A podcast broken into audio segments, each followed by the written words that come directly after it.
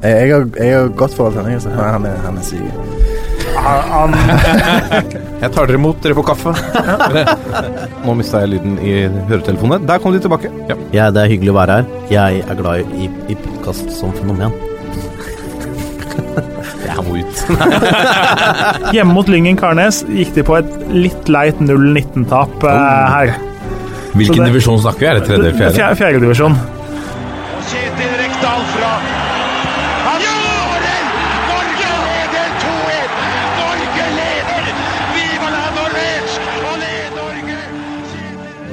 Vive la Norvège, Lasse Wangstein. Vi har et landslag som vinner landskamper igjen, og på rad! Vi er på- oppe på to på rad nå. Vi vinner kamper på rad og har eh, Lars Lagerbäck har skapt et fort på Ullevål stadion.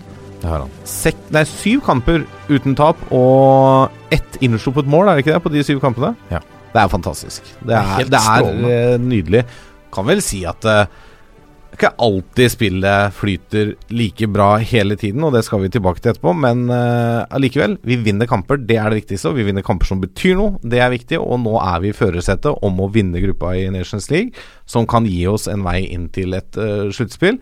Så jeg er meget, meget godt fornøyd etter eh, landskampene som er blitt spilt den siste uka. Ja, og vi gjør jobben, og det er, eh, det er deilig å se. Og det er noe eh, kynisk over det, over det hele også, når vi skjønner at, at her stopper det kanskje på 1-0. eh, Og jeg sa det i pausen i Norge-Bulgaria at hvis vi slipper inn et mål nå, så blir det 1-1 i denne kampen. For de kommer til å legge seg med elleve mann innafor fem meter omtrent, Bulgaria. Ja, ja. Vi har sett hvordan det er. Vi skal snakke mer om, eh, om eh, landskampene etterpå, det gleder jeg meg til. Eh, Vi må i pulsen eh, ta opp hva som skjer i Moss, for der skjer det veldig mye.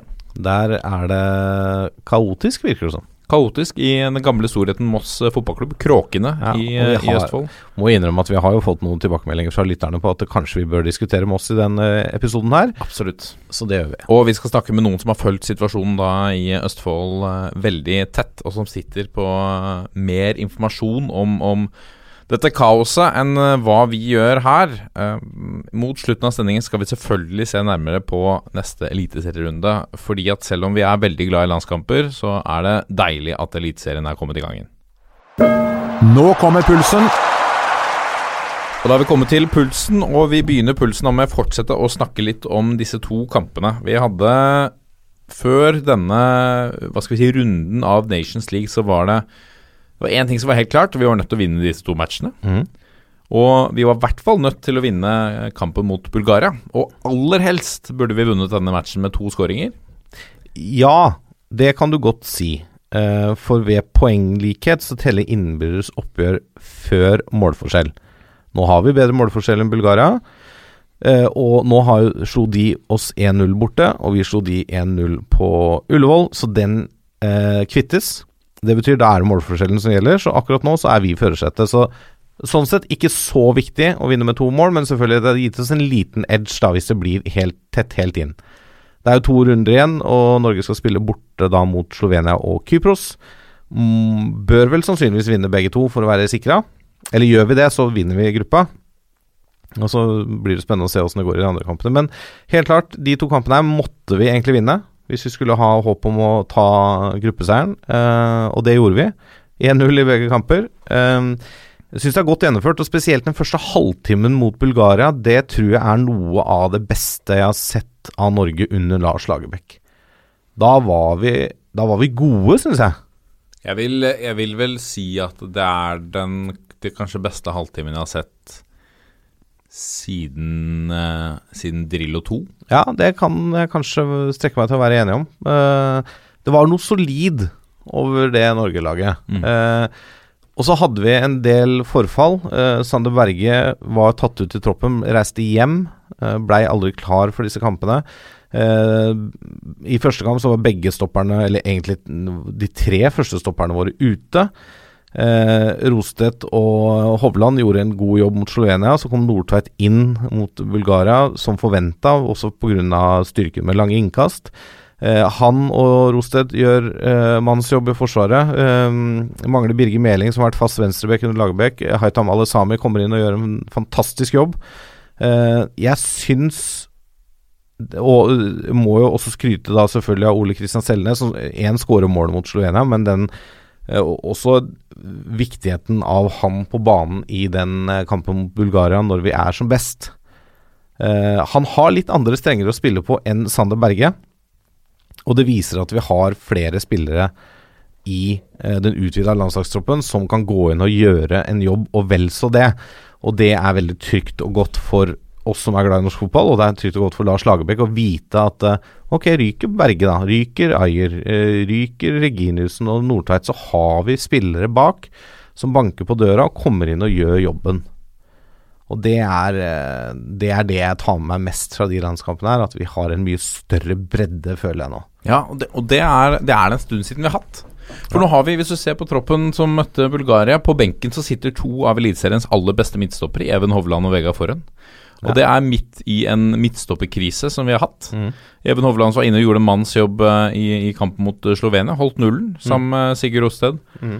Gode prestasjoner. Vegard Forhen var ikke en del i Var ikke engang i bruttotroppen. Nei, men ble til- tatt ut flere Ginussen meldte forfall. Ja, så vi sitter med et mannskap her som, som har en veldig god bredde. Vi har spillere her som, som er gode i sine lag eh, i, i eh, sine ligaer. Iver Fossum fikk muligheten. Det er fortsatt eh, innbyttere her som ikke har fått sjansen. Mats Møller Dæhlie, Martin Nødegaard, Sørloth, eh, som jo har slitt noe i, i Ja. Palace, men eh, Mars Johnsen fikk noen minutter mot Slovenia, var ikke på banen mot Bulgaria. Stemmer. Martin Linnes, som jo har vært Ja. frisk. Altså, vi har mange å spille på her som vi, som vi ikke har benytta oss av så mye i disse to kampene. Ja, og jeg var litt det, det må jeg ærlig innrømme, at da jeg så før Slovenia at han valgte å kjøre Joshua King og Tariq Elenossi på topp, og ikke bruke da Mars Johnsen eller Sørloth, som jeg trodde var foran i køen, Mm. Uh, så ble jeg litt overraska og, og litt spent. Og Spesielt for Tariq var jo skada, og var jo eh, ble jo først frisk den samme uka. Han trente jo alene den ene landslagstreninga, men jeg, og, og jeg så. Ja, det, Jeg vet i hvert fall at Moi har meldt at han ikke var 100% men det er mulig det gjaldt Tariq Tariq også. var veldig Ja. usikker på om han skulle bli klar. Ja, men jeg syns Og han er jo en annen spillertype enn de andre. Han Ja. har ikke den samme fysikken, han har ikke den samme hodestyrken. Men allikevel, han trøkker til i dueller. Han løper kanskje mer enn han burde. Eh, han er bra i presspillet, han er bra i gjenvinningsspillet. Eh, og det også da viser at vi har flere strenger å spille på. Det er ikke gitt at det kanskje alltid er King og Mars Johnsen eller King og Sørloth som er spissparet. Og det gjør det også vanskeligere for motstanderne våre å vite hva som kommer, og hva de skal forberede seg på. Var, jeg, jeg, jeg tipper at Slovenia regna med at uh, Norge skulle starte med samme spisspar som i de forrige kampene. Mars Johnsen og, og King. Og, var liksom, og så kommer da inn med Tariq Leonos isteden, som er en helt annen spillertype. Blir jo helt annet å forholde seg til. Så nei, veldig Men tror du Altså, eh, professoren Lars Lagerbäck. mm. Uh, det er fristende å kalle han for det i fortsettelsen. Ja, det er greit. Tror du han forutså akkurat det? Altså, er han så kynisk og så uh, hva skal vi si, utspekulert at han valgte å spille Tariq dels fordi at Bulgaria forventet og hadde forberedt seg på Bjørn Mars? Nei, Det er jeg litt usikker på, fordi at uh, jeg tror han tenkte Slovenia-kampen først.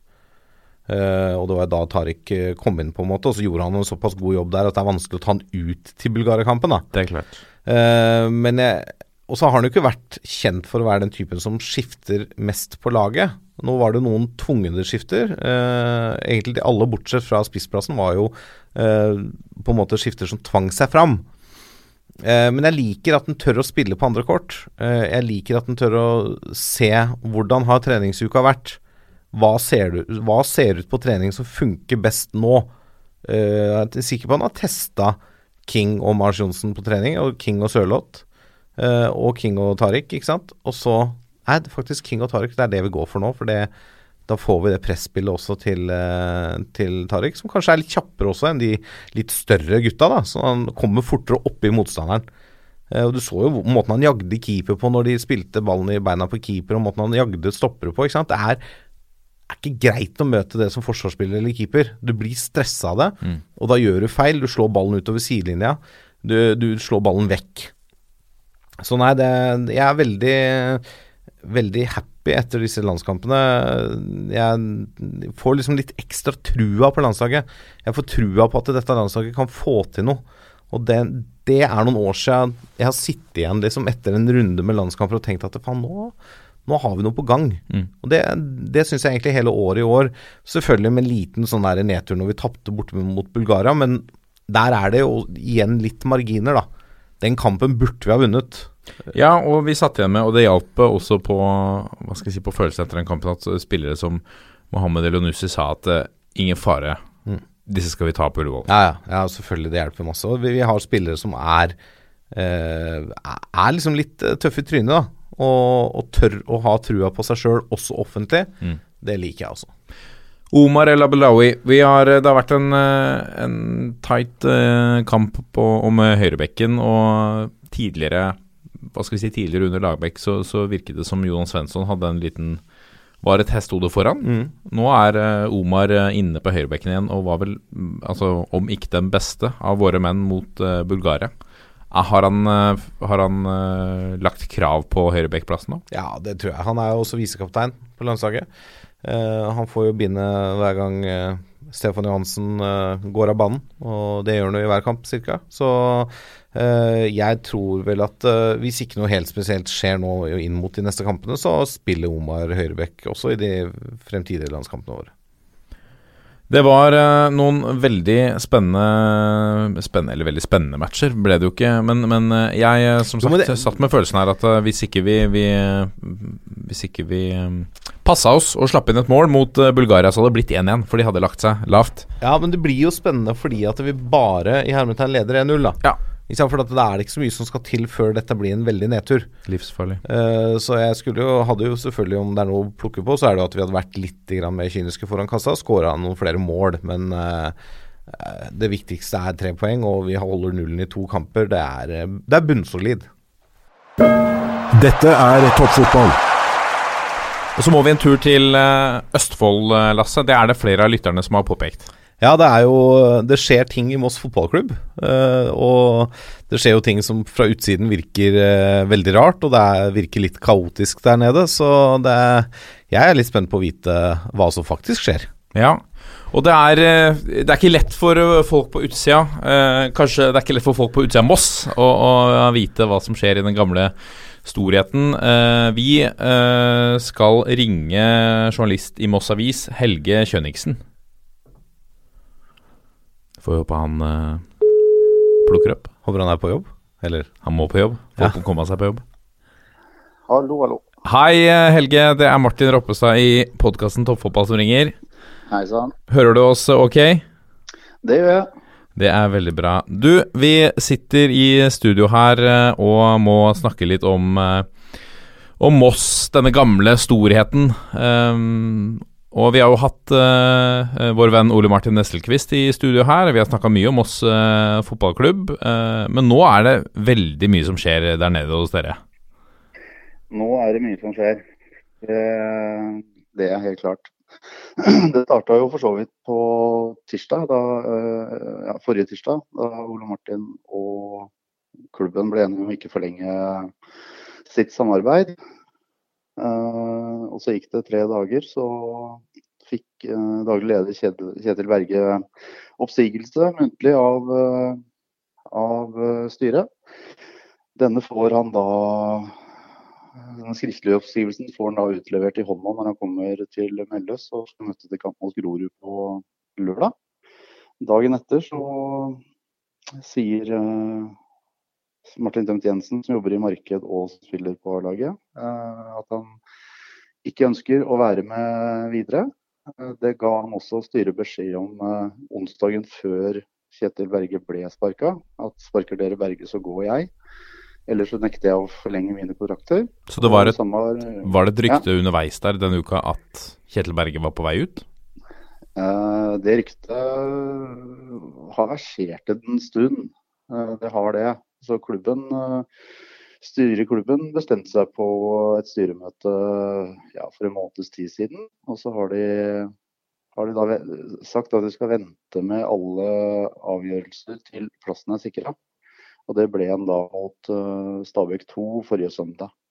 Så den påfølgende uka så skjedde det jo da først med Ole Martin, som da egentlig er uten dramatikk. Eh, onsdag så hadde de da et møte med Martin Tømt Jensen hvor han signaliserte at sparker dere Kjetil, så fortsetter ikke jeg. Og så tok de Kjetil på fredag.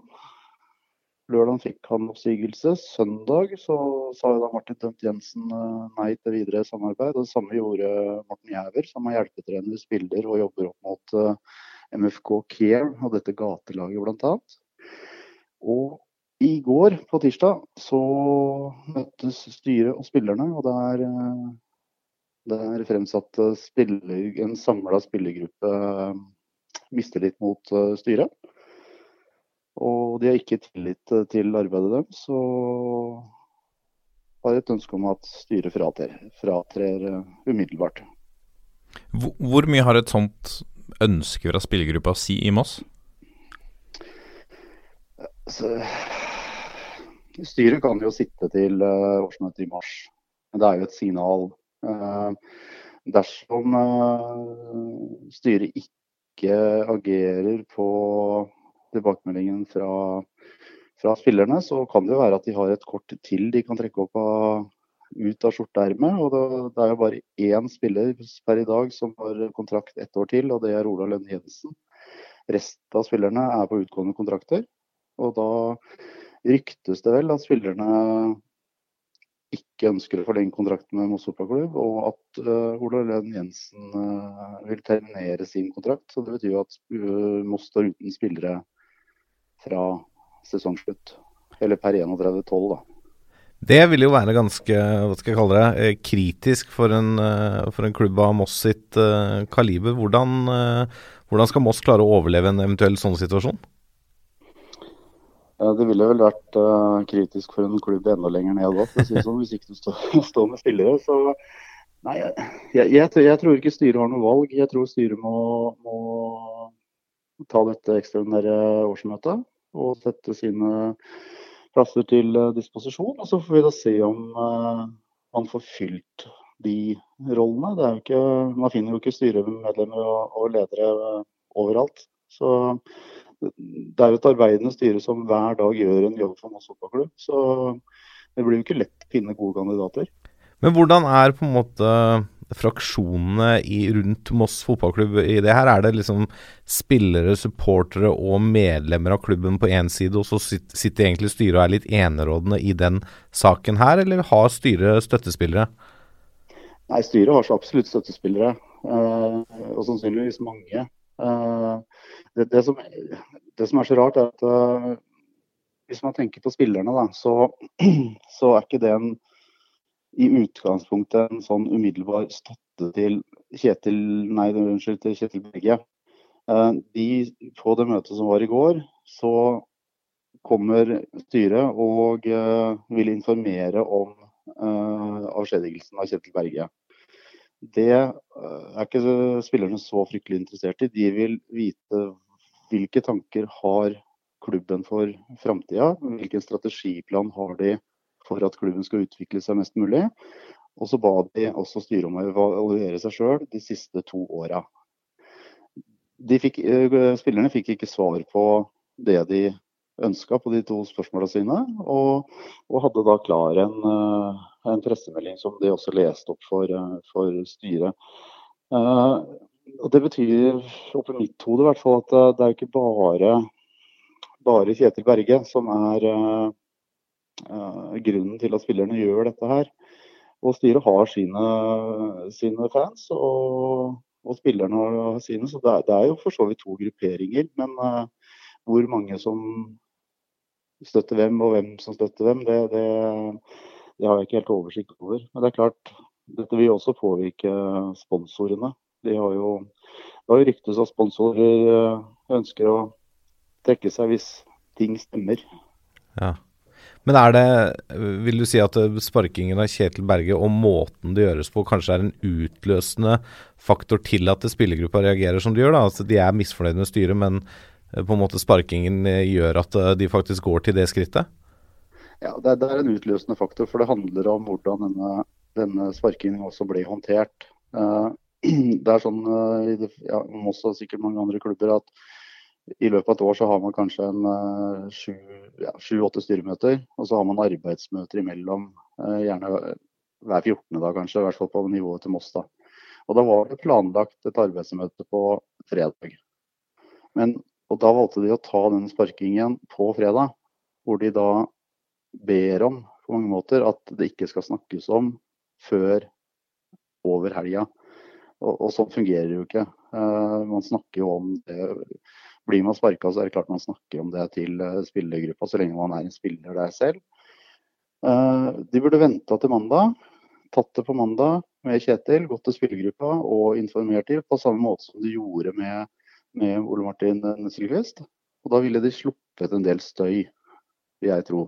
For nå ble det liksom et hemmelighold. Og så ble det da sagt at uh, de måtte gi Kjetil den skriftlig fordi at uh, ja, Moss Avis visste for mye. Og det, det, blir liksom så rart. De prøver liksom å unnskylde seg med at, uh, at de blir pressa til å gjøre det på en måte. Det var jo egentlig bare en veldig uklok avgjørelse å ta det på mandag, nei på fredag. Ja, Det virker jo som de kanskje ikke har hatt en veldig god strategi på måten dette skal håndteres på? Nei, og Det er jo det klubben eller spillerne også etterlyser generelt. da, Strategi. uh, vi har jo vi i Mossavis har også etterlyst en uh, strategiplan. for Moss fotball har jo en visjon om å være blant de 20 beste lagene i Norge i 2020. De, det er ikke lenge til de er i 2020, og de kommer nok ikke dit. Og så har vi etterlyst da, hvilken strategiplan har dere for å nå disse måla? Og Den har vi aldri fått, den har vi aldri sett. Det ligger ikke på noen hjemmesider. Uh, så, så den, den, finnes nok ikke. Det er mulig de har den internt oppi hodene sine i styret, men det hjelper lite hvis ikke de klarer å presentere det for spillerne. Hva er, eh, hva er årsaken til at, eh, til at, de bytter ut mye av det sportslige apparatet nå, tror du? Ja, hadde jeg visst det, så skulle jeg gitt et uh, svar. Mm. Det, det, det, er litt snodig, for de to siste åra har, har Moss fotballklubb uh, snudd uh, et underskudd til et overskudd. De har rykka opp fra tredjedivisjon, berga plassen med god margin i andredivisjon. De har fått med seg flere sponsorer. De har et bedre og bedre omdømme. Og byen begynner også å våkne litt til live igjen. Altså, vi husker 80-tallet og 90-tallet med Moss, det var jo i toppen veldig ofte. Og seriemester i 87. Liksom, det er jo en fotballby i, i Norge, selv om vi sikkert er spist opp på både Fredrikstad og Sarpsborg her i Østfold. Så er det fortsatt en fotballby i Norge. Eh, så det er gjort en veldig god jobb de to siste åra. Det er de to åra hvor Kjetil Berge, Martin Dømt Jensen og Morten Jæver har vært der. Så det må, det må ha skjedd et, Det var noe ikke vi har klart å fange opp underveis her, som for alt jeg vet ligger mer på det personlige plan og kjemien mellom enkeltpersoner. Men vi har ikke klart å finne ut hva det konkret er. For det høres jo litt voldsomt ut bare Altså, en fotballklubb kan jo ikke være så personavhengig at hvis vedkommende blir sparka, så går administrasjonen og spillerne uh, vi har bort styret. Det blir litt voldsomt bare for å omdefinere en, eh, en rolle i administrasjonen. Så til tross for lekkasjer er det litt tette skott i Moss fotballklubb, eh, hører vi da, hvis eh, dere ikke vet hvorfor han er sparka. Men jeg ser det har vært spekulert i at det, det kan ha vært en maktkamp om uh, sportslig um, kontroll, da, siden Nesselquist skulle gå av og Berge hadde signalisert at han ville legge opp som spiller og jobbe 100% administrativt for Moss fotballklubb. Og at det da kanskje er en sånn maktkamp mellom han og styreleder om den sportslige kontrollen. Tror du det ligger noe i de spekulasjonene? Uh, jeg har spurt uh, Kjetil Berge om det samme. Og jeg har spurt uh, Thomas Torkelsen, styreleder, om det samme, og de, de benekter for så vidt det. men så kan man jo tenke sitt. Thomas Torkelsen har vært styreleder siden 2013 og har gjort en veldig veldig bra jobb. Fortjener masse klapp på skuldra. Har, hadde ikke Thomas Torkelsen vært styreleder, så er det tvilsomt at klubben hadde vært der den er i dag. Men inntil administrasjonen kom på plass i, for to år siden, så hadde Thomas Torkelsen mye av det sportslige ansvaret og tok de avgjørelsene. Så kom administrasjonen med Kjetil Berge i spissen, og så har de hatt det sportslige ansvaret. Så Jeg er ikke så sikker på at styreleder er så veldig komfortabel med det. Men at derfra til at han sier at det er sånn, det, den sitter langt inne. Så ja, jeg har sagt til andre å velger fortsatt å stå på at jeg tror det er en maktkamp som ligger i bunn mellom, mellom de to. Styret i Moss brukte jo en stund på å reforhandle kontrakten til Nesselquist ved, ved forrige runde. Eh, nå, nå forsvinner han. Hvor, eh, hvor tror du Ole Martin er på vei? Eh, Jeg har hørt noen rykter om eh, assistentrolle i Kongsvinger. ja, det er, det er ikke riktig lenger. Nei. Nei. Nei, du vet hvordan det er med journalister. Noen ganger så vet vi mer enn vi skal. Ja, riktig. Og eh, jeg tror Ole Martin trenger tid på å, å ja, få landa denne det, det, det forslaget den, den klubben som har kontakta han, er at han får landa avtalen med dem før vi går ut og sier uh, noe om det. Ja. Det handler om uh, respekt for Ole Martin, rett og slett. Uh, det er ikke Kongsvinger. Jeg snakket, teksta med Espen Nystuen i går. Han avkrefta det, og det har jeg også fått avkrefta fra annet hold. Og så vet vi nok hvor han skal, men det er ikke i det fylket, for å si det sånn. Og da kan du vel eh, ta bort et par andre klubber også. Men, eh, men, Men da har han en plan, i hvert fall. Det er godt å høre. Ja, det er godt å Han har en plan, og det er en veldig spennende plan. og Den er jo langsiktig. Og ja, den er, den er spennende. Men det er jo, du sier jo at det var udramatisk det med Nesselquist sin avgang. fordi han hadde vel også signalisert at han ikke ønsket å forlenge, og klubben ønsket ikke å forlenge. Så det- det er jo vel ikke en grobunn for det kaoset som oss er oppe i nå. Nei, den har ikke noe det, altså det kaoset i Moss nå, det, det har ikke noe med Ole Martin å gjøre. Ole Martin ga beskjed til eh, sin sjef, altså daglig leder Kjetil Berge den 30. august, om at han ikke ville forlenge kontrakten med, med Moss fotballklubb. Og Moss fotballklubb var også enig i at det beste for Ole Martin var å finne et uh, ny klubb, et nytt miljø, for å utvikle seg videre. Mm. Så det, der var det ikke noe dramatikk. og Jeg vet at det blir spekulert ja, og, og rundt det, men, men, men det, det var ikke det. altså. Helge Kjønniksen, tusen takk for at du, du var med og ga oss litt mer innsikt i hva som skjer her nede. Så håper vi at, eh, at det snur. Eh, Jeg tror det er som du sier, at eh, Moss er en, er en fotballby, og vi, vi ønsker jo de gamle storhetene også opp igjen. Ja, det høres veldig bra ut. Takk for at jeg fikk være med. Så får vi håpe at man oppfører seg som voksne folk i Moss og tar det ansvaret som, som ligger i å være valgt av styret, eller valgt av klubben, og at uh, man kommer til enighet og at vi kjemper i toppen neste år i andre divisjon. Dette er toppfotball. Det var eh, Helge Kjønniksen, eh, i, i, journalist i Moss uh, Avis. Uh, det er helt tydelig at han sitter på informasjon som, eh, om hvor uh, Nesselquist skal gå videre. Ja, det er spennende. Det blir veldig spennende å se hvor uh, Ole Martin havner. Uh, det er jo en, altså, det er- jo spennende med så unge. Han er jo fortsatt bare 25, så vidt jeg husker. Mm. Trenerprofiler som har da trent, vært hovedtrener i andredivisjon, og se hvor han havner. Men når det er sagt, så er jo denne hele situasjonen i Moss, sånn sett fra veldig langt på utsida, ser jo veldig kaotisk og rar ut. Og jeg håper virkelig altså at de får rydda opp der nede, og at uh, Moss eh, kommer til slutt styrka ut av det.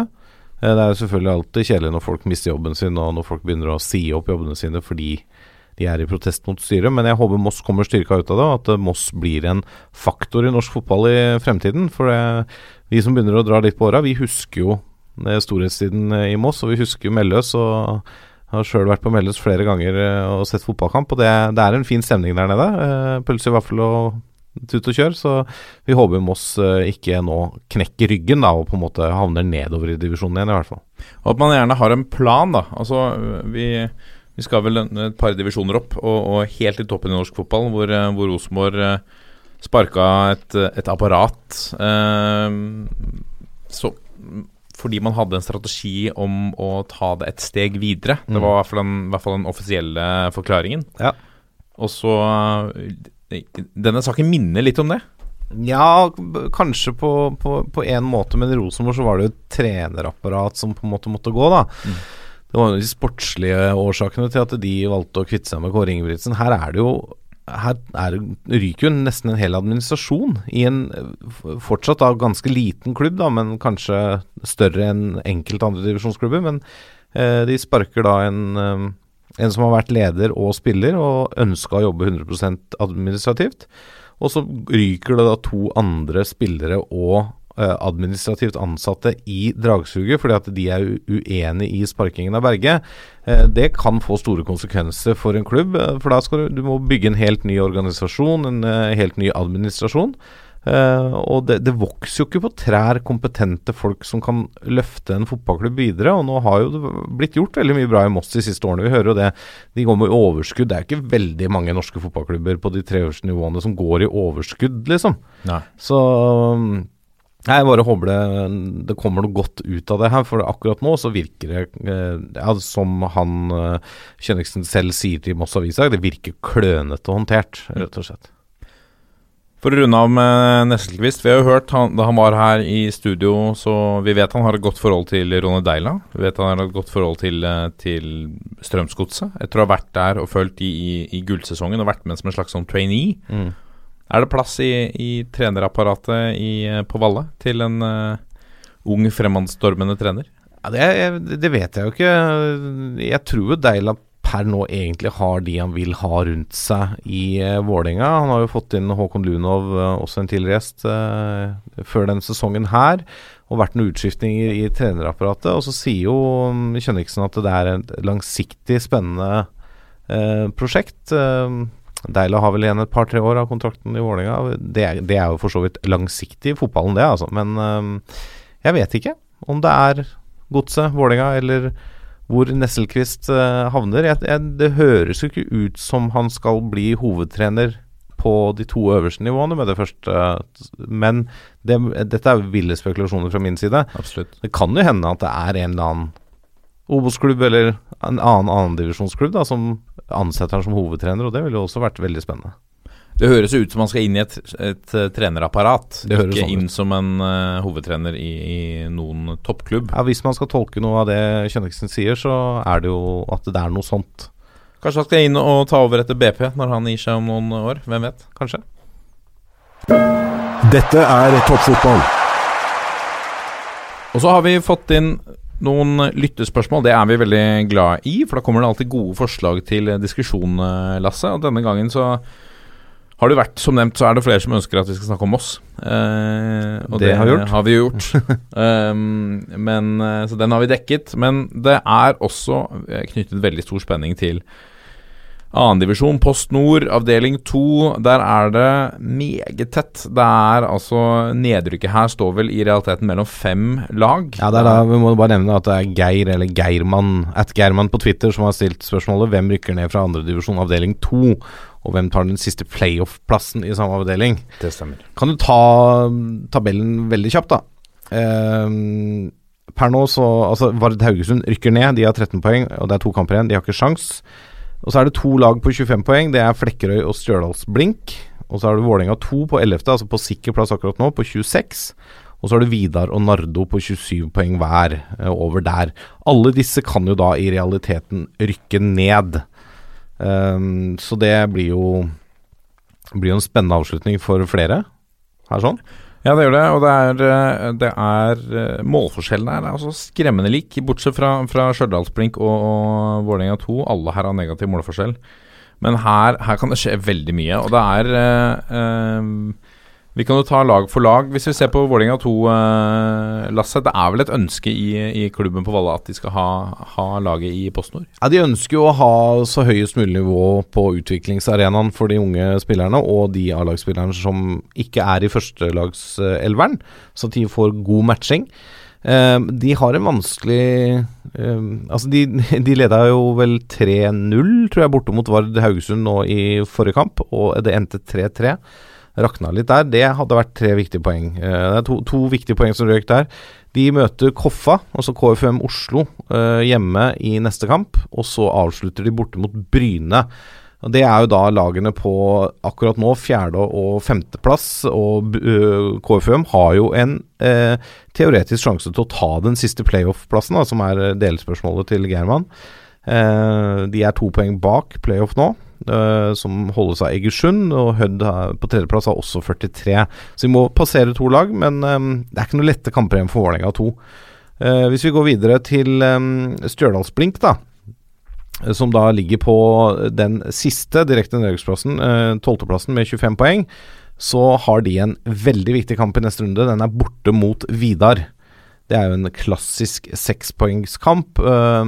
Uh, om Vidar vinner den kampen, så tror jeg vi kan avskrive de i nedrykksstriden, for da har de såpass mange poeng på Stjørdalsblink og um, har, har, jo det beste utgangspunktet sammen med Nardo på Ja. 27 poeng. Ja. Uh, og så avslutter Stjørdalsblink hjemme mot uh, Brattvåg, som ligger uh, plassert på en syvendeplass. Og De er jo litt i ingenmannsland, så kampen betyr jo veldig lite for Det betyr ingenting, ikke sant. Så det, det er sånn, ja.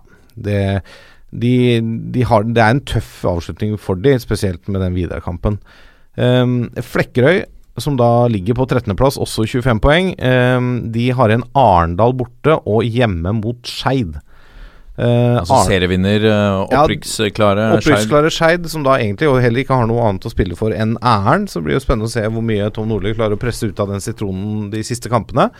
Uh, kjenner jeg Tom Nordli rett, så er ikke han villig til at Skeid skal avslutte sesongen med tap. Så mm, Det er ikke utenkelig at de spiller noen eh, juniorer eller lar noen reserver få sjansen her. overhodet ikke utenkelig. Arendal også ligger litt sånn i ingenmannsland på sjetteplass med 36 poeng. Det er for langt opp til playoff.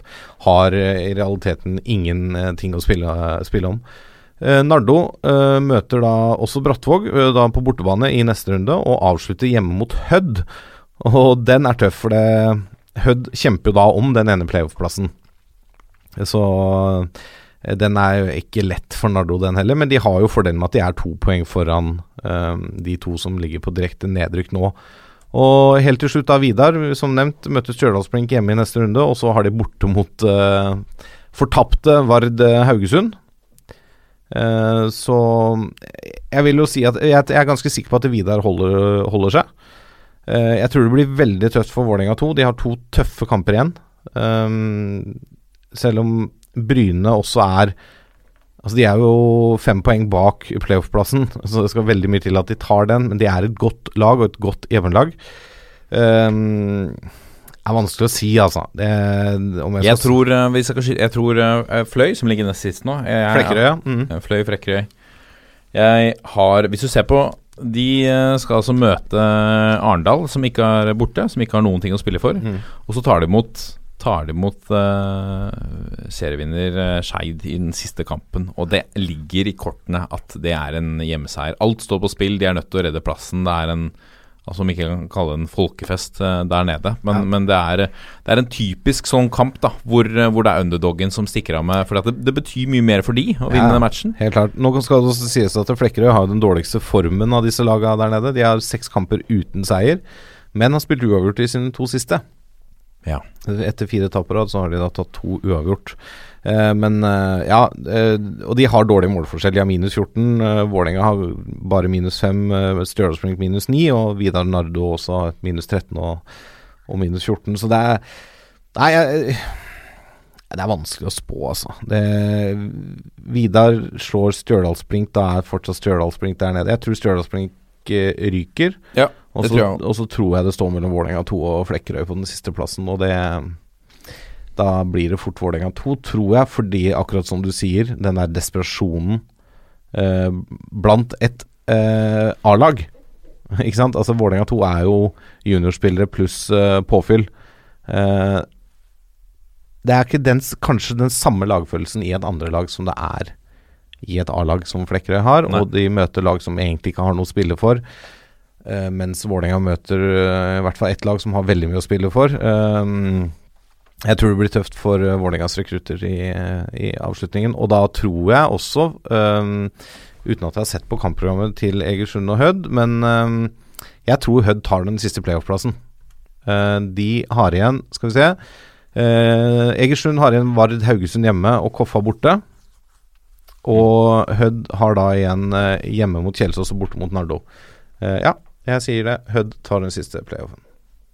Spennende. Min eh, ville påstand. Det er altså eh, veldig spennende i, eh, i innspurten. Også i eh, Post Nord. Vi skal gå gjennom enda bredere når Jørgen Kjernås er tilbake i dette Helt klart. helt klart Og eh, vi kan jo tease allerede nå at neste uke så får vi besøk av eh, en helt spesiell mann som eh, mest sannsynlig runder 100 kamper live på ulike stadioner i, i Norge i år. Marius Helgå, en, en engasjert hva, kaller han seg? En engasjert fagforeningsmann og hva skal vi si, fotballidiot. Banehopper. Eh, Banehopper. Og spiller trombone, faktisk. Ja. Så han kombinerer veldig mange ting. Det gleder vi oss til. Marius Helgå neste uke. Den gleder jeg meg til å høre på. Da, ja, For da er ikke du her i dette studio. Nei, da er jeg hjemme. Ble det for bredt for deg da, Lasse? Det ble for bredt, og så er jeg hjemme alene med barna. Riktig. Tillegg Det det til at eh, Og det er nå, eh, selger jeg meg selv her. Onsdag 24. oktober, da fyller denne kroppen 40 år. Takk for det. Takk for det. Det er bra jobba av deg, tenker jeg. Ja, det er, det er ganske imponerende, faktisk, at den kroppen her har blitt 40 år. Godt gjort. Eh, la det bli 40 til, da, min venn. Minst. Eh, vi tar et spørsmål fra Even M. Augensen. Han lurer på om eh, kampen om syvendeplassen i Eliteserien avgjøres på Intility nå på søndag. Ja, kan fort gjøre det. Mm. Ja. Er det liksom kampen om syvendeplassen?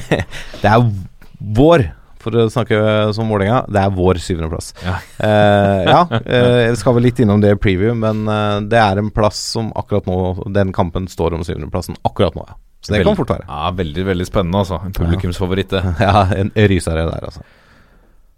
Vi eh, tar med til slutt et spørsmål fra altså, ja, Ruben, har, Ruben Wold, vår faste bidragsyter, som skal få en kopp. Nå har jeg fått, For de som skal ha kopper, jeg har fått koppene. De skal nå sendes ut til det ganske land til de som har fortjent de. Det er Ruben Wold, og så er det en til. Jeg husker ikke navnet i farten. Nei, det, Men, eh, er men vi bruker veldig lang tid. Men det er ikke Altså, vi, vi driver ikke med juks her som visse andre bloggere. Vi, premiene kommer. bare Eh, litt sent. Logistikken tar litt tid. Ja. Det kommer, da har jeg sagt det. Vi tar med et spørsmål fra Nordlink, som er en fast bidragsyter. Han lurer på Ble Vangstein litt stressa når malinga på Flesland ikke var tørr? er dette en intern greie dere to har, eller hva? Eh, nei, det var faktisk i forrige uke så mm, stengte vi rullebanen på Bergen lufthavn Flesland. altså ikke denne podkasten, men Eh, Avinor, min Ja. arbeidsgiver. Eh, fordi man skulle lage nye senterlinjer på rullebanen. Det er viktig for flyene, for de sikter seg inn på senterlinja, så de ser hvor de skal lande. Og de skulle da males om. og så ble ikke de helt tørre så fort som, fort som vi håpa. Eh, I tillegg til at det var noe andre arbeider på rullebanen da, som gjorde at det, da lufthavnen skulle åpne klokken seks for trafikk, hvor når det første flyet går, så kunne vi ikke sende noe fly ut på rullebanen. Eh, for da hadde ikke malinga tørka nok. Så det Så hele flyplassen satt og så på maling tørke. Faktisk, det er helt riktig. Og da ble det jo selvfølgelig noen telefoner på morgenen der fra eh, lokale bergenske aviser og litt NRK og sånn eh, til pressevakten den uken, som da var meg. Og det Jeg var ikke veldig stressa, men det er klart eh, vi må jo hive oss litt rundt og eh, finne ut hva som har skjedd, eh, ikke minst. For jeg satt jo ikke i Bergen sjøl og visste om dette før jeg fikk beskjeden. Eh, så det blir jo litt sånn Det blir en kjapp start på dagen, da når første telefon ringer fem år seks. Du, hei, vi er stengt fordi eh, vi ser på maling tørke, og vi har hatt noen andre arbeider som gjør at vi ikke får åpna med en gang. Ja. Så det ble en liten time stengt der, og så var det tre-fire fly som var litt forsinka. Men det, det løste seg fort. Dette er toppfotball. Og da skal vi se nærmere på neste eliteserierunde. Og Lasse Wangstein, vi skal til eh, Sandefjord aller først. Vi skal til Komplett Arena og se kampen mellom Sandefjord på 16.-plass og Strømsgodset på 12.-plass. Og utrolig nok, da, så har jo bunnplasserte og tilnærmet nedrykksklare Sandefjord kun ett tap på sine ni siste seriekamper. Det er jo Og de skal rykke ned.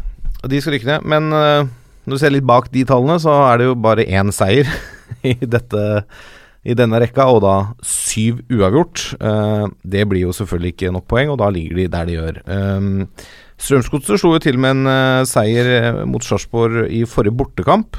Og mange trodde kanskje at Godset skulle våkne og komme seg litt ut av det uføret de har vært i nå på høsten. Den kampen ble da etterfulgt av 0-1-tap hjemme mot Haugesund, og da ligger de fortsatt ganske utsatt til eh, Godset. Og de har kun én seier på sine åtte siste kamper. Fire tap og tre uavgjort er fasiten i den eh, perioden. Eh, Sandefjord imponerte jo egentlig på mange måter med 1-1 borte mot et litt sånn reserveprega Rosenborg, eh, men det var på Lerkendal. Eh, og de, de virker, syns jeg, da mer solide, men de mangler det siste lille til å avgjøre kampene til sin fordel. Det blir jo Altså, det er fire kamper på rad med uavgjort, tror jeg det er nå. Så det, det blir jo ikke nok, dessverre, for Sandefjord. Eh, 22, de møtes for 22. gang i historien. Godset har et klart overtak. De har vunnet 14 av disse oppgjørene. Eh, fem kamper nei, med Sandefjord-seier, og to kamper har endt uavgjort. Eh, I Sandefjord har det aldri blitt uavgjort når disse lagene møtes. Fire hjemmeseiere og seks borteseiere på da ti forsøk. Godset vant eh, omvendte oppgjør i Drammen med 2-0 i mai måned, og har syv seire på rad i innbyrdes eh, oppgjør mot laget fra hvalfangerbyen. Det er ingen karantener her, så de kan stille fulltallig på den biten. Mohammed Fella er vel fortsatt usikker for Sandefjord etter å ha fått en skade for et par runder siden. Jeg har sett på diverse sosiale medier at han har nytt eh, litt dager i Barcelona bl.a. Om det er ren ferie eller om han har vært og fått behandling, det vites ikke. Kombinasjonen, tipper jeg. Sikkert en kombinasjon. I utgangspunktet her så skal jo selvfølgelig Strømsgods være soleklare favoritter eh, hver gang de møter Sandefjord. Men slik årets sesong har spilt seg ut, så syns jeg den kampen her er litt vanskelig å spå, jeg. Eh, det blir spennende å se hvordan lagene har brukt pausen nå med landskamper. Eh, og spesielt Godset bør ha funnet opp litt nytt krutt om ikke denne høsten her skal bli forferdelig tung, og det begynner jo da med å slå Sandefjord på, i helga. Eh, det vil jo gi dem en liten sånn edge eh, på de andre nedrykkslaga. Eh, skulle de ryke på et tap igjen her nå, så er det veldig, veldig mørkt i, i Drammen. Det er fristende å tippe uavgjort, siden Sandefjord er Eliteseriens uavgjortspesialister, med ti uavgjort så langt på 25 kamper. Ehm, og uavgjort faktisk i sine fem siste, ikke fire siste. Fem siste Fem. kampene har endt uavgjort. Ti, Eh, det er flest uavgjort av alle i hele serien. ja, flest av alle. Uh, jeg tror Godset kriger seg til en viktig seier her, og, og får, eller beholder, da den lille luken de har til direkte nedrykksplass. For det er jo det vi må se på nå. Altså. Det er jo en kvalik der òg, men eh, det er jo først og fremst handler om her å unngå den direkte nedrykksplassen, og så får du ta og gjøre opp til slutt. Men ja, skulle de vinne her, så er det i, beste, i verste fall da at de beholder luka. Ja, det er eh, sant. Det er fort gjort å la seg lure av jumboplassen, men når vi ser på de Altså det er fem uavgjorte på, på rad her nå, sist mot Rosenborg også, så er eh, så, så bor det Det virker som det bor litt mer i dette Sandefjord-laget enn en, en eh, så lav poengfangst. Altså kun to seire på, på 25 kamper. Det er, det er svakt, altså. Ja. Men altså ti uavgjorte. Så eh, med litt mer marginer der, så er det jo en rekke av de matchene som tikker i riktig favør. Ja, det er det. Det er eh, interessant. Det, det føles nok Det er nok en bitter følelse i Sandefjord når, eh, når de rykker ned i år, eh, ser jeg for meg. I hvert fall etter den høsten de har hatt. Vi går videre til Haugesund mot Odd. Haugesund som fortsatt mangler førstekeeper Bråtveit. Men reservekeeper Helge Sandvik sto en meget bra kamp borte mot Godset sist, som jo også har fått en ny førstekeeper. Um, sterk borteseier av Haugesund. Det er alltid, syns jeg, eh, sterkt å vinne på Marienlyst, selv om godset langt ifra er i, i storform. Uh, men den seieren eh, var deres andre på rad og gjør at de fortsatt har heng på bransjeplassen. så det er fortsatt veldig mye å spille for i, i Haugesund, uten tvil. Nå er de bare to poeng bak Molde. Selv om Molde er i strålende form, så er det mange nok kamper igjen å gjøre det på for Haugesund. Og så er det Odd, da. Motstander Odd, som jo er eh, Hva skal vi si, det må være Eliteseriens absolutt store, største formlag. De har altså ikke tapt på tre og en halv måned. 1.7 mot Tromsø. 1-0 tapte de borte på Alfheim. Det står stor respekt av det Fagermo uh, gjør med dette laget. I fjor skåra de ikke mål, og jaggu gikk det ikke greit uh, likevel.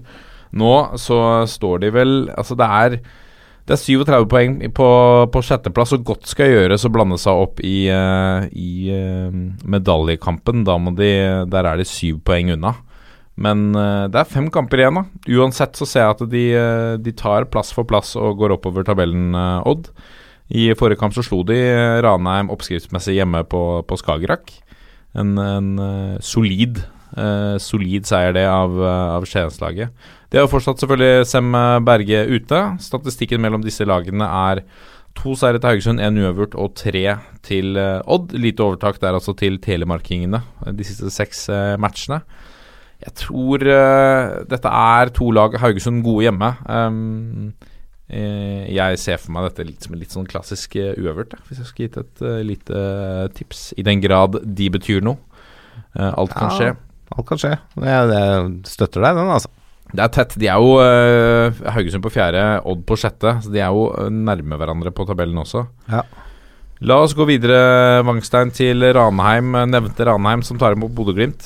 Ja, Blir det ny, eh, blir ny seier til hjemmelaget på Ekstra Arena? Ja, vi får se. Det er jo femteplassen mot ellevteplassen. Og mm, som vi har snakket om litt tidligere, så har jo Bodø-Glimt egentlig klart kunststykket å rote seg ned i den faren, umiddelbare faren for nedrykk eh, nå i løpet av høsten.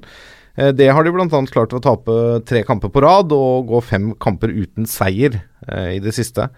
Eh, de tapte jo da begge, begge lag tapte forrige kamp før landslagspausen. Ranheim røyk som du nevnte 0-2 borte mot formsterke Odd, og Bodø-Glimt tapte 0-1 hjemme mot formsterke Molde. Eh, Glimt klinka jo til og vant eh, hjemmeoppgjøret mellom disse lagene da i årets sesong med hele 4-0 på Aspmyra. Eh, det var i mai. I Obos-ligaen i fjor endte det 3-3 i Bodø og med 2-1-seier til Ranheim på Ekstra Arena.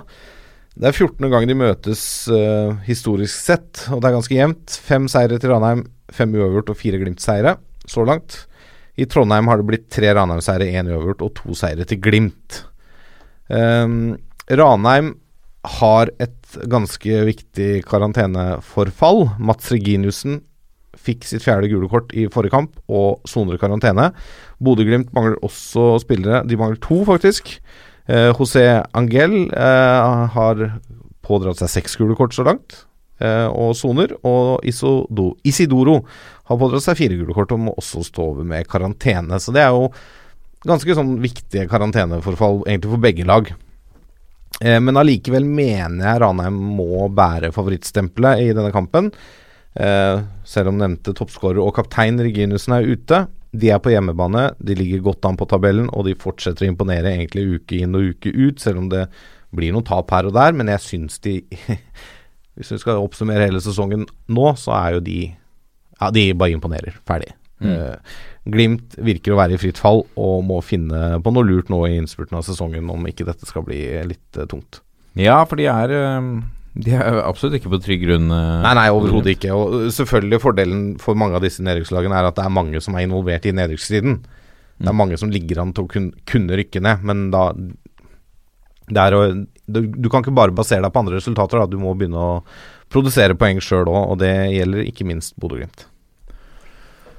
Absolutt. Vi går videre til Åråsen, hvor Lillestrøm tar imot Rosenborg. Det er et eh, Altså, det er jo et klassisk oppgjør, Lillestrøm mot, eh, mot Rosenborg. Nå så jeg de var ute og oppfordra brumunddølinger til å komme på kamp. Det var uh, Alexander Melgalvis, som jo er eh, der oppe fra, som eh, gikk ut. Det var et, det var et stunt som jeg hadde sansen for. De gir, eh, for alle brumunddølinger som kjøper billett, så gir de 50 kroner til Brumunddal fotball og 50 kroner til, til Lillestrøm. Eh, billetten koster 100 kroner.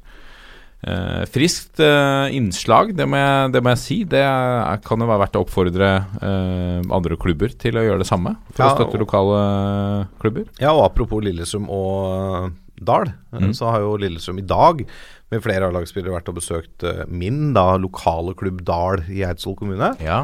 eh, på et arrangement der oppe. Det er grunnen til at jeg da valgte podkast i dag, og ikke å være på, på Dal idrettspark, selvfølgelig. Ja, riktig. Stemmer. Der også blir det nok delt ut noen billetter til uh, søndagskamp, sånn at det kommer noen i grønt og svart.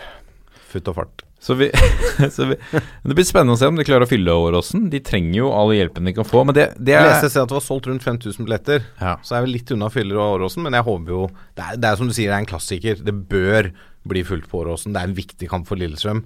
Eh, de trenger den hjelpa de kan få, altså. Og det er spennende. Og det vi må si, da, som vi har eh, Som vi vel etterlyste, og som jeg også sa noe om at eh, for noen runder siden Dette er et klassisk tidspunkt hvor man i gamle dager hadde ringt Arne Erlandsen. Ja. Eh, og så hadde han reddet Lillestrøm. Nå Nå har de ringt eh, Jørgen Lennartson. Jørgen Lennartson isteden, ja. Men, men nå har de skjønt, apropos det å forstå og skjønne alvoret Jeg opplever at Lillestrøm har skjønt alvoret og forstått at de har cupfinale hver helg. Nå står de med syv poeng på de tre siste kampene. Og det, det er mot uh, Tromsø, sekspoengsoppgjør mot Stabæk og, og mot uh, sølvkandidat Brann. Og det er eh, det er uh, imponerende, vil jeg si. De uh, syv poeng på de siste, siste tre. Jeg syns uh, jeg syns det er lovende takter av Lillestrøm. Det virker som at, det, at de har skjønt at det brenner litt på dass her. Og når de endelig, hvis de da kan fortsatt ha supporterne sine med seg, og ikke mot seg også, så begynner dette å ligne på noe for, for Lillestrøm. Dette er jo en kamp som ingen forventer poeng, vil jeg si. Altså det er vanskelig å forvente eh, eh, tre poeng eh, selv om det er hjemme mot eh, Rosenborg, serieleder. Og det tror jeg kanskje gir de et lite eh, gir de et lite overtak, fordi de er nødt til å fighte for poengene. Men samtidig så er det ingen som slakter de om de skulle tape hjemme mot Rosenborg. Det er en god anledning også til, en, eh, til noen poeng til hjemmelaget, fordi Rosenborg er eh, jo som kjent skadeplaga. Um, nå det, ble det rapportert om at Niklas Bentner eh, var tilbake i trening denne uka. Det er vel eh, trolig at han kanskje spares til denne kampen, og heller spiller borte mot eh, Red Bull Salzburg eh, i Europaligaen, som bare er fire dager senere. Ehm, det er en eh, eh, Som sagt, Rosenborg har Birger Meling, Tore Reginussen, eh, Pål André Helland og Jabali er eh, alle mest sannsynlig uaktuelle til dette oppgjøret. Det blir interessant å se hva slags mannskap eh, Rini Kolen eh, mønstrer Ja, nå blei ble det vel meldt, eh, om det var tidligere i dag eller i går, at eh, det begynte å lysne litt på skadefronten. At er flere av de som har vært ute, begynner å røre litt på seg igjen, da. Eh, og jeg blir ikke overrasket om Tore Reginussen er klar igjen til helga. Selv Men tror du han vil eh, Tror du han vil velge å bruke han nå, eller tror du han vil spare han til til eh, Nå har jo Rosenborg fått Det er bare fire dager imellom. men, ja, men Det har så, er, pause så er det tre kamper igjen til, Nei, tre dager igjen til neste kamp i Eliteserien. Eh, nå har Rosenborg tapt de to første i Europa Eh, det skal mye til at de går videre fra det, det gruppespillet, og det gullet henger høyt i, i Trondheim. Um, jeg tror de fikk en vekker med at de ikke klarte å slå Sandefjord hjemme, uh, selv med på en måte uh, Selv om de hadde et uh, svekka lag, da. De mangla mange av de faste, men den Rosenborg-stallen skal være brei nok til å slå Sandefjord på Lerkendal uansett. Tror det er en vekker, og tror det gjør noe med at de kommer til å sende utpå sine sterkeste spillere så lenge de er klare for å spille 90 minutter. Statistikken eh, taler i trøndernes favør. På de seks siste kampene så har Rosenborg stukket av med seieren i fem av de, og én har rent uavgjort. Så Lillestrøm har en jobb å gjøre her, altså. Eh, De eh, har fortsatt Erling Knutson er fortsatt usikker med en ankel. Alexander Melgalvis, Brumunddølen, er også usikker, men jeg regner med han blir klar hvis han da får spille. Kan jo bare også melde deg at Lillestrøm har ikke slått Rosenborg på hjemmebane siden 2008. Ja, riktig. Eh, ti år, det. altså etter 90 minutter, da. Det er en cupkamp inne i bildet der som endte 1-1. Og det husker jeg ikke hvordan det endte utover det, men ja. Det er en, eh, en pen statistikk for Rosenborg i hvert fall å komme til Åråsen med. Eh, Sorry, cupkampen var på Lerkendal. Min feil. Gå videre. Ok, ja, vi går videre til eh, huh, La oss gå til Intility Arena, da. Vangstein Vålerenga som tar imot Kristiansund. Ja, den eh, nevnte kampen om syvendeplassen. Ja, det stemmer. For det er jo da Vålerenga på syvende som tar imot eh, Kristiansund på åttende. Det skiller tre poeng mellom lagene, og med seier vil KBK passere Vålerenga på bedre målforskjell. Så mm, det er jo lagene som møttes i, serie, møttes i seriepremieren. De skal igjen måle krefter. Da vant uh, Vålerenga 1-0 etter at eh, den nyinnkjøpte spissen eh, Sam Johnson eh, presenterte seg i første runde. Um, de møtes bare for fjerde gang i historien, og det viser to Vålerenga-seire og én uavgjort. Uh, det ble 1-0 til Vålerenga i Oslo i fjor. Det er altså Resultatene disse lagene imellom på de tre foregående oppgjørene er to 1-0-seire til Vålerenga og én 1-1-kamp i Kristiansund. Eh, Kristiansund har nå kommet inn i en sånn annenhver rutine. Eh, seier og tap annenhver gang på de fire siste. Kommer fra en solid 5-1-seier hjemme mot Tromsø i forrige kamp. Vålerenga kommer fra 1-1 borte mot Stabæk, og de vant sin forrige hjemmekamp, da, som var mot Start. Um, spissen til Kristiansund, Flamur Kastrati, han får oftere gult kort enn han, enn han skårer mål i årets sesong. Men må utrolig nok ikke sone karantene. For han har pådratt seg ni gule kort på 21 kamper i årets eliteseriesesong for Sandefjord og Kristiansund. Han skåret syv mål. Hvordan har han sluppet unna karantene? Fordi han bytta lag? Nei, fordi at du soner på fire, seks, åtte, ti. Du soner på hver andre. Ja, riktig. Men han har jo sona karantene Ja, han i år. har, men han soner ikke i den kampen her. Nei, forstår. Til tross for ni gule kort. Ja, riktig. Det er jo ganske imponerende, så, så mye gule kort han får, da. Ja. Eh, så det, med det stiller begge lag uten karantener til eh, søndagens kamp. Selv om jeg syns Kristiansund nok en gang imponerer, og det må jeg si. Eh, med altså lite midler og Det er en liten klubb sånn isolert sett i Eliteserien. Så ser det ut til å holde seg på øverste nivå med god margin nok en gang.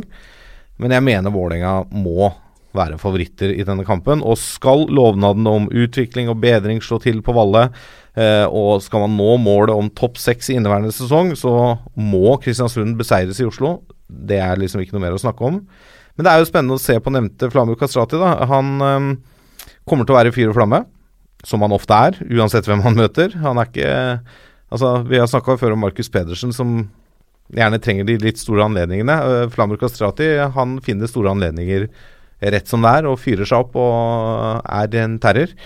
Han står med tre skåringer på sine tre siste kamper mot nettopp Vålerenga. Men allikevel, uh, Vålerenga må bare tåle å bære det favorittstempelet på søndag.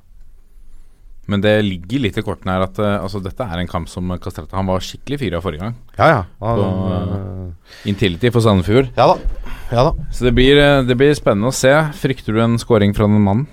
Selvfølgelig gjør jeg det. Ja. Jeg forventer en scoring fra den mannen. Ja, rett og slett. Vi går videre til Alfheim. Apropos lag som vinner og taper annenhver gang. Eh, Tromsø faller nå inn i den kategorien. De ligger på en, eh, på en eh, niendeplass. Blitt en litt typisk middelhavsfarer. Kanskje litt kjedelig for publikummet der oppe slik det er nå. Akkurat nå er det mer spenning å følge Tromsdalen, tror jeg, i deres eh, jag etter en playoff-plass. Nå møter de eh, Start, som eh, for alvor har eh, begynt å skjønne at de er også en del av dette nedrykkssirkuset. Ja, Hvis vi ikke har skjønt det før nå, da har det vært noe gærent i Kristiansand i hvert fall. Jeg tror det måtte en, en ilsk Kjetil Rekdal for å banke den inn i de, for at de skulle forstå at du var nødt til å, å slutte å tape fotballkamper. Det var vel målet han satte. Nå vant de 1-0 hjemme mot Sarpsborg Lotte sist. Et Sarpsborg Lotte som er en skygge av tidligere versjoner av eh, laget, selvfølgelig. Eh, som, eh, men som imponerer ett sted, og det er i Europaligaen. Det virker som det er beholdningen i Østfold akkurat i år. Uansett en, en, en eh, god seier av start. eh, Tre viktige poeng, og de står nå med um, Skal vi se 3, 6, 9 Ti poeng på de fem siste, og det begynner å lukte fugl av det. Samtidig så har lagene rundt også plukka litt poeng jevnt og trutt, så det er ingen grunn til å ligge på, på latsiden her for, eh, for Start. Det er en tøff Alfheim er uansett alltid en tøff kamp og en, en tøff kamparena å komme til. Nå eh, Start mangler jo fortsatt Kevin Cabran, eh, som gir de noen utfordringer fremover. Jeg er fortsatt spent på når eh, den kommende verdenseneren Akiniemi skal eh, virkelig slå ut for fullt og, og ligne på å bli verdens beste spiller som han selv har sagt han skal bli for Start. Um, men det er altså en det er et viktig oppgjør aller mest for bortelaget. For uh, Tromsøs del så ligger de på, det må vi kunne si, med 33 poeng. Det er nå uh, 3-7 7 poeng ned til, eh, til playoff. Vi har fem runder igjen. Så galt kan det vel Nei, ikke gå så, i Tromsø? så galt går det ikke i Tromsø. De er i ingenmannsland og har jo ikke noe annet enn æren å spille for. Men det er klart du har jo ikke lyst til å tape hjemmekampen mot et nedrykkstrua startlag. Og eh, Altså, det er, det, det er kanskje litt eh, rart å si det, men det er noe med auraen til Kjetil Rekdal som gjør at uh, supportere rundt i det ganske land, og kanskje også spillere, har lyst til å, å ta han. Ja, for han er jo han, han er ute og melder mye, og, Ja. og og, gjør det jo kanskje også- litt øh, bevisst enkelte ganger, øh, ser jeg for meg. Som etter Slovenia-kampen så var han nok ikke veldig fornøyd med norske spillet, f.eks. Ja. Så han liker jo å stikke, stikke litt der vi ikke ønsker å, å bli stukket, Ja. egentlig. Er det, det er jo litt taktikken hans. Ja, det er jo det. Det er jo litt sånn som Kjetil er. Eh, og det er jo veldig gøy eh, på veldig, veldig, veldig mange måter. Mm. Eh, men det er, det er klart, denne kampen er veldig mye viktigere for Start enn for Tromsø, sånn isolert sett. Men jeg tror ikke Tromsø er så veldig stolte av å ryke 1-5 borte mot Kristiansund i forrige runde. Nei, for det, de er nødt til å reise kjerringa Ja, de skikkelig. det, det var en skikkelig skrell. Ja. Espejord er fortsatt skadd for uh, Tromsø. En uh, viktig mann ute der uh, også. Altså, det blir interessant. Som du sier, så er det jo dette et oppgjør som er mye viktigere for, for Start enn for hjemmelaget Tromsø. La oss gå videre, Wangstein, til eh, Stabæk som tar imot Brann. Og dette oppgjøret er vel ganske viktig for begge lag. Dette er et meget viktig kamp for begge lag. Eh, Stabæk bør vinne for å komme litt på talefot med nedrykksrivalene foran seg på tabellen. De ligger på direkte nedrykk og har to poeng opp til kvalikplass, og for så vidt også til den sikre plassen rett over, før denne runden. Brann, som står, seier, nei, står uten seier på sine siste tre, de bør jo vinne for å holde armlengdes avstand til Molde, som jager bak, eh, og for å fortsatt ha en teoretisk mulighet til å snyte Rosenborg for gullet. Um, omvendt oppgjør som ble spilt i Bergen i april, endte med 3-0-seier til Brann. Um, historisk sett altså, har Stabæk et ganske godt tak på Brann på eget gress. Elleve Stabæk-seire, fem uavgjort og fem Brann-seire er den fasiten. Uh, Stabæk mangler uh, Abubakar Keita med karantene for fire gule kort. Brann har ingen karantener. Men de spilte jo uten uh, Vito Wormgård i forrige kamp. Uh, spennende å se om han uh, blir meldt uh, klar igjen. Og så må vi jo snakke litt grann om Frank Poli. Ja. Han, han, vi har snakka om ham før, men han viste jo før pausen for landskamper at han er i strålende form. Og har jo da skåret solide ti mål på sine åtte siste kamper. Det er imponerende levering på et nedrykkslag, for vi må jo kalle de det akkurat nå, for de ligger på nedrykksplass. Med den skåringsformen han viser, og hvis han fortsetter den ut sesongen, så kan han nesten på egen hånd redde Stabæk fra å rykke ned. Mm. Uh, og det vil være vilt i seg sjøl, uh, sånn som han holder på akkurat nå. Uh, så jeg tenker sånn til tross for stor forskjell både på tabellen og det faktum at Brann har over dobbelt så mange poeng som Stabæk, så tror jeg dette blir tett, jevnt og spennende. Og det er en kamp som kan bikke alle veier, rett og slett. Brann er litt vaklende om dagen. Det blir spennende å se hvordan de har brukt uh, den utvida fritiden uh, til å hente litt energi. Jeg tipper uh, spillerne har fått noen dager fri, og så har de trent godt. det gjelder jo alle lag. Det blir spennende å se hvordan det spiller ut. og Stabæk begynner nok nå å bli passe desperate. den kampen her gleder jeg meg til å følge med på, rett og slett. Det her tror jeg blir en rysere. Frank Poli har altså skåra 14 mål. Stabæk har skåra 30. Han har skåra 47% av deres skåring. Ja, det er helt vilt. Det er, altså, det er, det er helt vilt. På et nedrykkslag. Ja. Altså, han, han Og det er jo det, det er jo ikke, Der er det jo ikke så mye skal til. Og det er jo veldig interessant på et lag som ligger der nede i sumpa, er at, er at det skal en ok pasning til, så kan Frank Bolli gjøre et eller annet med den ballen. Ja, ikke sant. Han har tempo, han har avslutteregenskaper. Han er uh, flink til å komme i de riktige romma. Han er flink til å plassere seg foran kassa. Han kan parkere enhver forsvarsspiller i Norge omtrent. Uh, så det, det, det, er jo en uh, fantastisk spiller å ha på laget.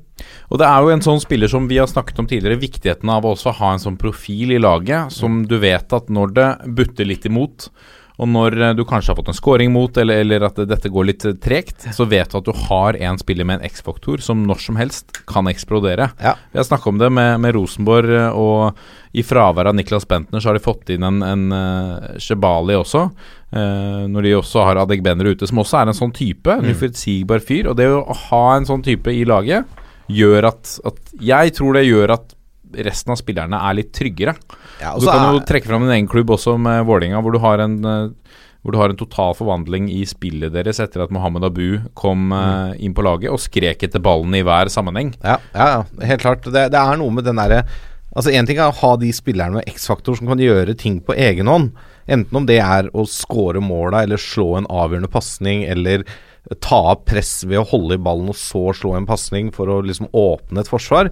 Eh, eller å ha en stopper som rensker unna alt som kommer og løper opp en hver duell, eller en matchvinner i mål. Altså, det er det å ha disse spillerne med litt X-faktor. Men det med Frank Boli er én ting er selvfølgelig målskåreegenskapene, men jeg, han gjør så mye annet òg, syns jeg da. Han, er, han, står jo ikke bare og venter på sjansen.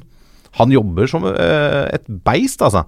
Han er oppe i press. Han, han jager forsvarere og midtbanespillere for å vinne tilbake ballen. Um, så han er uh, åpenbart ekstremt viktig for det Stabæk-laget. Ja. Sånn som han holder på nå. Uten tvil.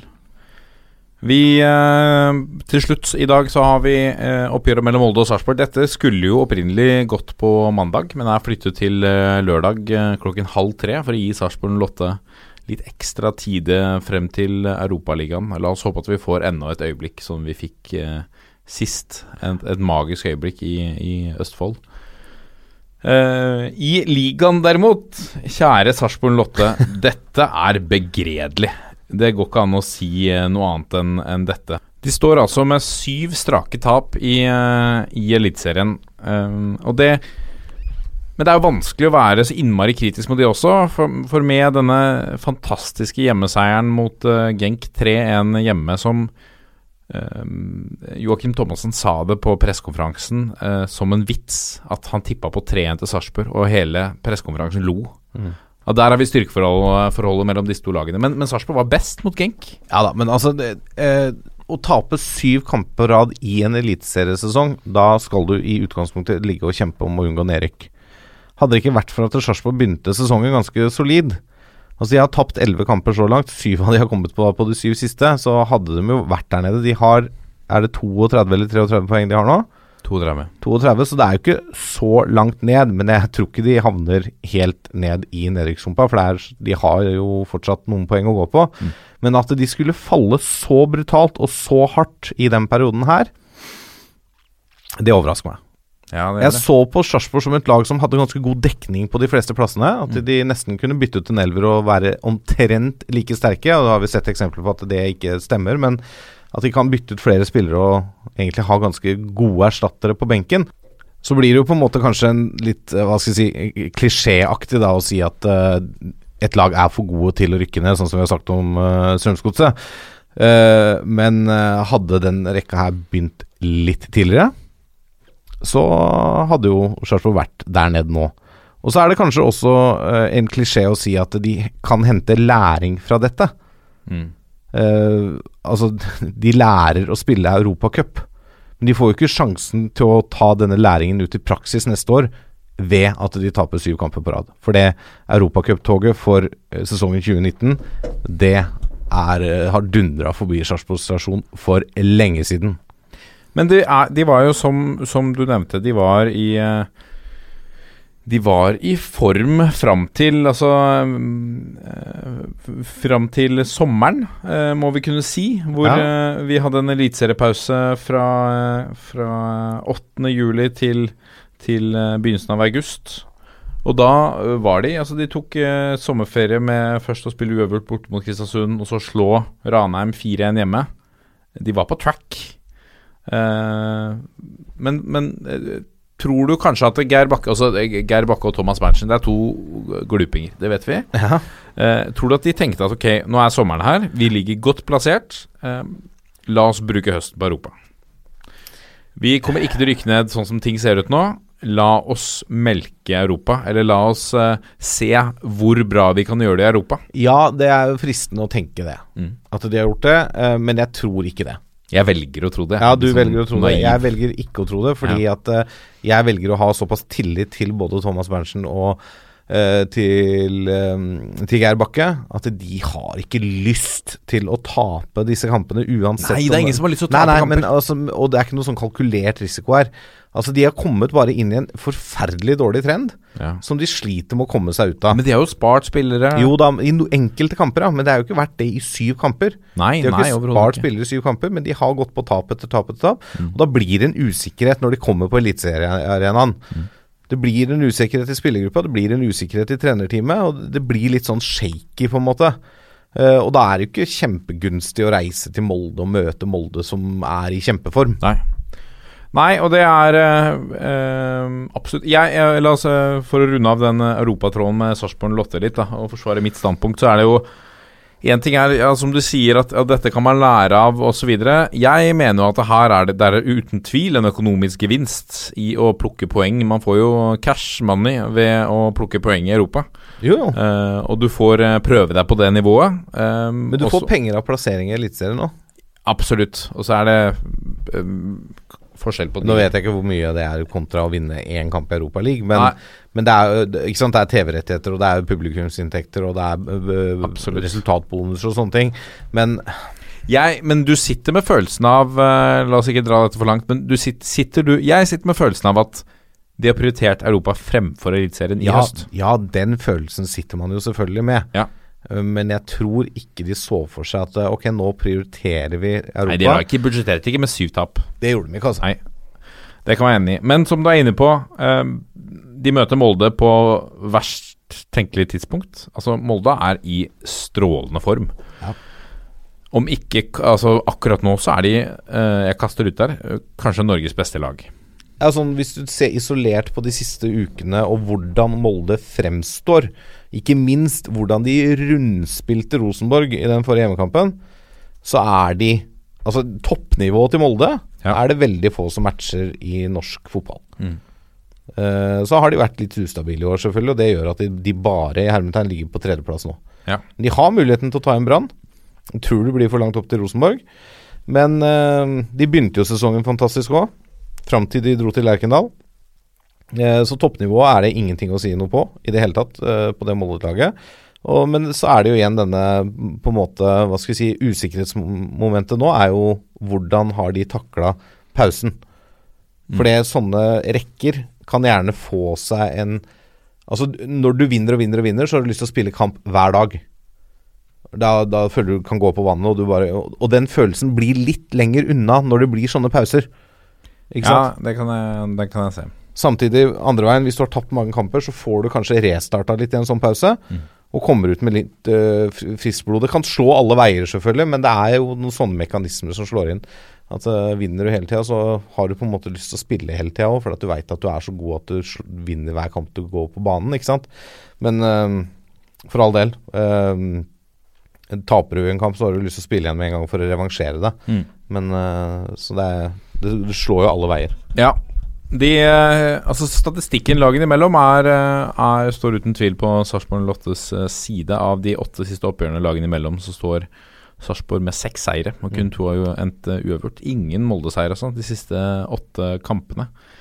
Det er jeg helt sikker på Ole Gunnar Solskjær er, er interessert i å snu, og det tror jeg han kommer til å snu til gangs i dette oppgjøret. Fordi jeg har hørt flere si det også, at man ikke har utelukket Molde. Jeg, jeg, jeg vil, eh, akkurat sånn som det er nå, selv om det skiller eh, tre poeng mellom Molde og Brann, så vil jeg også henge meg på å si at eh, jeg vil anse det som mer sannsynlig at Molde tar gull enn Brann. Ja uh, Hvis du ser på form, og Ja, hvis du ser jo, på spill Jo, jo jeg, jeg ser poenget ditt. mm. Men samtidig så tenker jeg Altså, når du ser på antall poeng, så har Brann større sjanse til å ta gull enn Molde. eh, Ja ja, Norsk regnesentral har funnet fram det. Ja, ja, selvfølgelig. Men eh, så, så, Ja, men det er igjen Dette er også en sånn greie med to sider av samme sak. Ja. Eh, ser du form og toppnivå, ja, da er Molde kanskje den største utfordreren til Rosenborg. Men ser du utgangspunkt og kampprogram og hva som gjenstår, så er det jo Brann som er nærmest og har størst muligheter til å ta igjen Rosenborg. Jeg tror ingen av de gjør det, men jeg tror Molde kan ta igjen Brann. Og jeg må si at jeg, jeg, syns det er, jeg syns det er gøy å se på eliteserietabellen og se at det er Rosenborg, Brann og Molde som ligger helt i toppen. Og eh, med fare for å tråkke noen på tærne, at det er Jeg vil at storklubbene skal ligge der oppe. Um, at vi har for, for da føler jeg at ting er på vei til å normalisere seg litt. Ved at eh, ja, vi syns det er sjarmerende med Ranheim. Jeg syns det er veldig imponerende Haugesund driver med. Eh, også Odd. Eh, Vålerenga må vi kunne si når de ligger på syvendeplass, hovedstadslag med ganske mye ressurser i bunn, at de ligger på syvendeplass er litt skuffende. Eh, sånn objektivt eh, sett. Ja. Eh, men at vi har eh, Rosenborg, Brann og Molde med store ressurser og med gode tradisjoner for å ligge der oppe, at de ligger i toppen, syns jeg er bra for norsk eliteserie. Ja, jeg ser eh, helt klart poenget ditt, og det, det er jo sånn Man skal jo på en måte tenke seg at man har si topp fem-seks klubber som alltid skal være med og kjempe oppe om medaljene, Ja. og så kommer det en og annen sånn uh, slenger innimellom.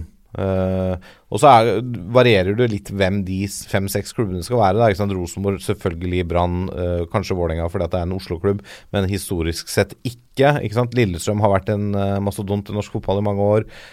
Du har Viking, ikke sant, som er nede på nivå to nå, som burde vært oppi der. Stavanger er også en stor by. Men det er liksom Jeg selv om Molde har hatt eh, veldig gode resultater veldig lenge på, på mange måter, og, men også vært litt opp og ned, så jeg setter ikke Molde i den kategorien norsk storklubb eh, som bør alltid ligge i topp fem, som jeg mener Rosenborg, Brann, Viking kanskje bør gjøre, da. Hvis du skjønner. Ut ifra uh, hvor de Størrelse på by? Størrelse på by og liksom litt sånne ting, da. Men uh, Publikumsoppslutning, kanskje? publikum, Ja, potensiell publikumsoppslutning i hvert fall. Men, uh, men samtidig, men når du ser på resultatene til Molde de siste 20 årene, så skal de selvfølgelig være Altså, de er jo en storklubb i norsk sammenheng sånn sett.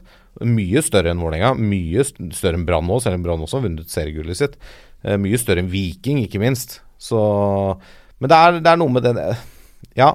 Det er de to klubbene per i dag som jeg mener er de som er best rusta til å ta opp kampen med Rosenborg. Og det er viktig At, at det er viktig at de to klubbene puster Rosenborg i nakken. Ja, helt enig. Ja, det, det vil gjøre norsk fotball bedre. Mer interessant. Og mer interessant at vi har flere klubber som er med og kjemper om å både vinne serien og ta medaljene. Ja.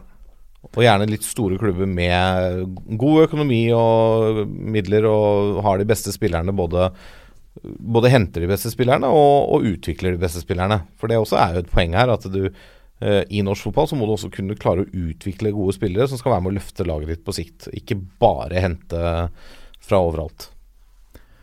Absolutt. Vi lar det være siste visdomsord fra, fra dette studio Oi, oi. i denne uken. Var ikke det ålreit, da? Jo, fint det. Ta og Send oss en mail da på toppfotball at 451.no, eller send oss et spørsmål eller forslag til diskusjon på, på Twitter, Facebook eller også Instagram. Da blir vi fornøyd. Eh, så får vi komme med en anmodning til eh, midt, den midtre delen av eh, Østfold, er det vel, i, i Moss, om at de må få orden på sakene sine der nede. Vi ser gjerne at uh, Mossekråkene kommer litt høyere oppe i divisjonssystemet. Og så gleder Bli vi oss venner, da. Bli, ja, kom igjen, da! Bli venner, da. Ta dere sammen, da. Bli ja, litt venner. Ja, ja. Og så gleder vi oss å se hvor Ole Martin Nestelquist eh, ender opp. Det blir spennende. Det er et trenertalent uten tvil, altså. En, en gammel sjel i en ung manns kropp. vi er Toppfotball på Facebook, Twitter og Instagram. Gå inn og legge ned rating på iTunes òg. Da blir vi kjempehappy. Og så manipulerer vi topplisten i iTunes sånn at vi kommer høyere opp og får masse oppmerksomhet og øh, vinner masse millioner. Nei, det gjør vi ikke. Men skal vi avslutte på sedvanlig vis på 1, 2, 3? Vi er en gjeng. Ha det! Ha det!